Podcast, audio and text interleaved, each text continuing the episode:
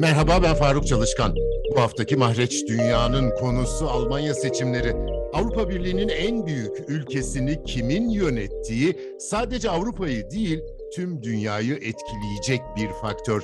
Ve bu defa gerçek bir değişim var. 16 yıl başbakanlık yapan Angela Merkel veda ediyor. Yeniden aday olmadı. Hristiyan demokratlar onun yerine geçen bir liderin peşinden gidiyor ama her geçen gün seçim galibiyeti beklentileri düşüyor. Almanya temsilcimiz Cüneyt Karadağ bu programın konuğu. Cüneyt katıldığın için teşekkür ederim. Önce anketlere göre en güçlü adayları ve partileri sıralayalım mı? Tabii ki e, Almanya e, yakın tarihin önemli seçimlerine hazırlanıyor. Sizin de dediğiniz gibi. Şu anda Almanya'da seçimlere 47 parti aslında katılıyor. Ancak şu anda mecliste var olan parti sayısı 6 ve e, Almanya'da anketlere göre, güvenilir anketlere göre e, Sosyal Demokrat Parti'nin adayı Olaf Scholz, halen hükümette Maliye Bakanı olarak görev yapan Olaf Scholz, şu anda %25 bandında bir sonuç çıkıyor. Ee, onun yanında Hristiyan Demokrat Birlik Partisi ile Hristiyan Sosyal Birlik Partisi'nin yani biz bunu Almanya'da Hristiyan Birlik Partileri olarak adlandırıyoruz. İki kardeş parti. Onların adayı olan Armin Laschet ise şu anda yüzde 23 bandında gözüküyor anketlerde. Yeşillerin adayı ise e, Annalena Baerbock. O da yüzde 17 bandında bir sonuç var. Şimdi Almanya'da altı parti dedik ancak hükümet kurma noktasında sosyal demokratlarla Hristiyan Birlik Partiler olmazsa olmaz. O nedenle e, Almanya için alternatif partisi dediğimiz aşırı sağcı parti ile sol parti genelde hükümet kurma noktasında koalisyonlarda denklem dışı oluyor. Ama dediğiniz gibi şu anda 26 Eylül'de yapılacak pazar günkü seçimler Merkel sonrası ülke siyasetinin yönünü belirleyecek. Bu çok önemli. Seçimlerde üç tane başbakan adayı var. Daha önce Almanya 2. Dünya Savaşı'ndan sonra hep iki aday çıkarmıştır. Bu sefer Yeşiller Partisi'nin oy oranı e, artış gösterince e, başbakan adayı çıkarma cesaretini gösterdiler. Şu anda Almanya gerçekten bu anlamda kritik ve önemli bir seçime giriyor. Tabii bu da sadece Almanya için, dünya siyaseti için çok önemli. Burada 16 yıldır başbakanlık yapan ve güçlü bir profil çizen Merkel siyasete veda etmesi çok önemli. E, bu adayların şu an için e, anketlerde özellikle Armin Laschet'in önde giderken Olaf Scholz'un arkasına düşmesinin en önemli etkenlerinden bir tanesi sel felaketlerindeki e, gülme olayı. Bu gülme olayı e, Armin Laschet'in şu anda popülaritesini biraz indirmiş durumda. Şu anda adaylar bunlar, partiler bunlar. Şimdi sosyal demokratlar e, Merkel'la yaptıkları koalisyon yerine Yeşillerle koalisyon yapacak gibi görünüyorlar. Kamuoyu araştırmaları e, doğrulanırsa. Ama e, hala da çok bir fark yok. Hala e, Hristiyan Birlik Partileri e, sosyal demokratlarla iki puanlık farkı kapatacak durumda diyebilir miyiz? Kesinlikle. E, şu anda ülkede nasıl bir koalisyon kurulacağı hiç kestirilemiyor zaten bu nedenle. Yani şu 26 Eylül gecesi seçimden birinci gelecek parti e, sosyal demokratlar olsa bile onların hükümet kurmama şansı da bulunuyor. Veya aynı şekilde Hristiyan demokratların veya Hristiyan Birlik Partilerinin de keza öyle.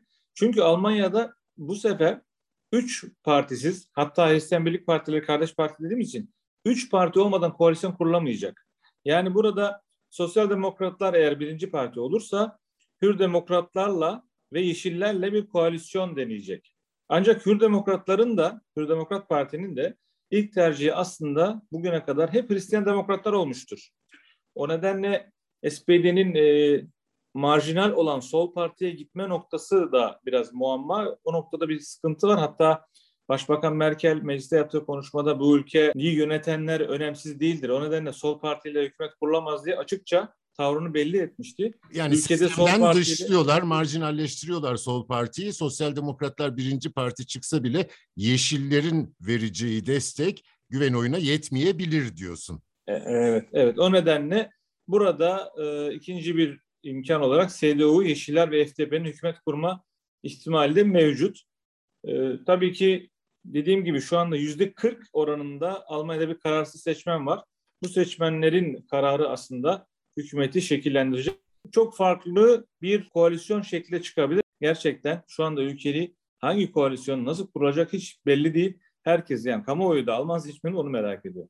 Aslında bu tüm dünya siyaseti açısından da e, çok belirsiz bir tünelin e, içine girilmiş gibi gösteriyor. Çünkü Almanya dünyanın en büyük ekonomilerinden biri, dış ticarette dünyanın lider ülkelerinden biri ve Avrupa Birliği'nin lideri konumunda ve orayı kimin yöneteceği hala belli değil. Anketler net bir tablo çıkarmıyor. İç politikada siyasi partilerin münazaralarda tartıştığı konuların e, öne çıkanları hangileri? En önemli konular e, aslında pandemiyle mücadele, güvenlik, göçmen sorunu ve emeklilerin e, maaşlarını ileride yeterince iş gücü, iş gücü olmadığı için aşağıdan çalışacak yeni işçiler gelemeyebilme noktasında sıkıntı olacağı noktasında emeklilerin maaşlarının tehlikeye gireceği noktasında ödenemeyecek duruma gelebilecek olma durumu yani riski diyelim. Bunlar daha çok konuşuluyor ve iş gücünün olan ihtiyaç konuşuluyor. E, tabii göçmenlerden dolayı bir güvenlik e, konusu her zaman e, Almanya'da seçim malzemesi olmuştur. Ancak ilk defa benim e, 20 yıllık Almanya'daki görev tecrübeme dayanarak söylüyorum. İlk defa Türkiye bu seçimlerde bir seçim malzemesi olarak kullanılmıyor. Bu e, bence güzel bir şey Türkiye'miz açısından. E, ilk defa hiçbir zaman Türkiye aleyhine herhangi bir olumsuz da bir şey duymadık bu seçimlerde. Bir de iklim kriziyle ilgili kaygılananlar da giderek artmış galiba seçmenler arasında. Evet iklim krizi son zamanlarda Yeşiller Partisi'nin çok öne çıkardığı bir konu. Gerçi e, Angela Merkel de bu konuda çok e, hassas birisi. Hatta Yeşillerin argümanlarını da elinden alan birisi. Şu anda e, Başbakanlık ve Federal Meclis'in yanındaki yeşillik alanında bu konuda açlık grevi yapan gençler de var. E, 7 kişi bu konuda 3 tane başbakan adayından randevu talep ediyorlar ve hiçbiri bunlara randevu vermiyor. İstekleri de sadece gelecek hükümet programında iklimle mücadelede neler yapacaksınız? Yapacaksanız da e, biz de biraz katkı vermek isteriz ki çünkü insanlık tarihi için, insanlık için çok ciddi bir kriz diye söylüyorlar. E, Almanya'da iklim her zaman konuşulan bir konu ama endüstri ülkesi olduğu için iklim konusunda CDU'nun çekinceleri var. Yani CDU partisinin genelde sanayileşmiş bir ülke olan Almanya'nın iklim konusunda atacağı adımlarda sanayiye darbe vurabileceği noktasında çekinceleri olduğu için bu iklim konusunda çok fazla bir şey yapmıyor. Esas iklim konusuna bayrak olarak kendine hedef seçen parti Yeşiller Partisi. Ancak tabii o da şu anda iktidarda değil. Dış politikaya gelelim. Ee, sanırım evet. en önemli konu Rusya ile ilişkilerdi son dönemde. Başka hangi baskın konular var? Rusya nasıl gündeme geliyor münazaralarda? Şimdi dış politika, Almanya'nın dış politikası her zaman için bildiğiniz gibi böyle soft bir, e, soft power dediğimiz tarzda. Her zaman ordusuyla sahaya inen bir ülke değil. Rusya bu sefer e, seçimlerde aslında e, cyber atak dediğimiz siber saldırılarla daha çok gündeme geliyor. Kamuoyunda ve basında Rusya'nın seçimleri manipüle etmek için siber saldırılar düzenlediği noktasında bir anlayış var ve bu konuda da zaten bazı e, federal meclisi yapılan siber ataklarda deliller de var. O nedenle Rusya'dan çekiniliyor. Ama bu sadece seçimler için yapılan bir, e, bir öngörü diyelim. Onun dışında aslında Rusya ile Merkel, Rusya ile ilişkili her zaman Almanya politikası denge siyaseti üzerine kurmuştur. Biliyorsunuz özellikle Kuzey Akım 2 projesinde Amerika ile ters gelme pahasına Rusya ile bir işbirliğine varmıştır. Merkel döneminde Rusya ile çok dengeci bir politika uygulandı ve Rusya'dan Avrupa Birliği olarak ve Almanya tabii Avrupa Birliği'nin önemli ülkesi olduğu için bir çekinme söz konusu. Ee, yayılmacı politikalarından da çekin. Biliyorsunuz Kırım ilhakından sonra Rusya'ya yaptırımlar konusunda Merkel de önce oldu. Ancak e, tam bir win-win diyelim çıkar, devletler çıkar üzerine e, kurulduğu için veya devletler çıkar üzerine politika ürettiği için e, Merkel, Putin'le her zaman Almanya'nın çıkarı ve Rusya'nın çıkarı üzerine bir siyaset yürüttü. Ama Rusya'dan bir çekince mevcut.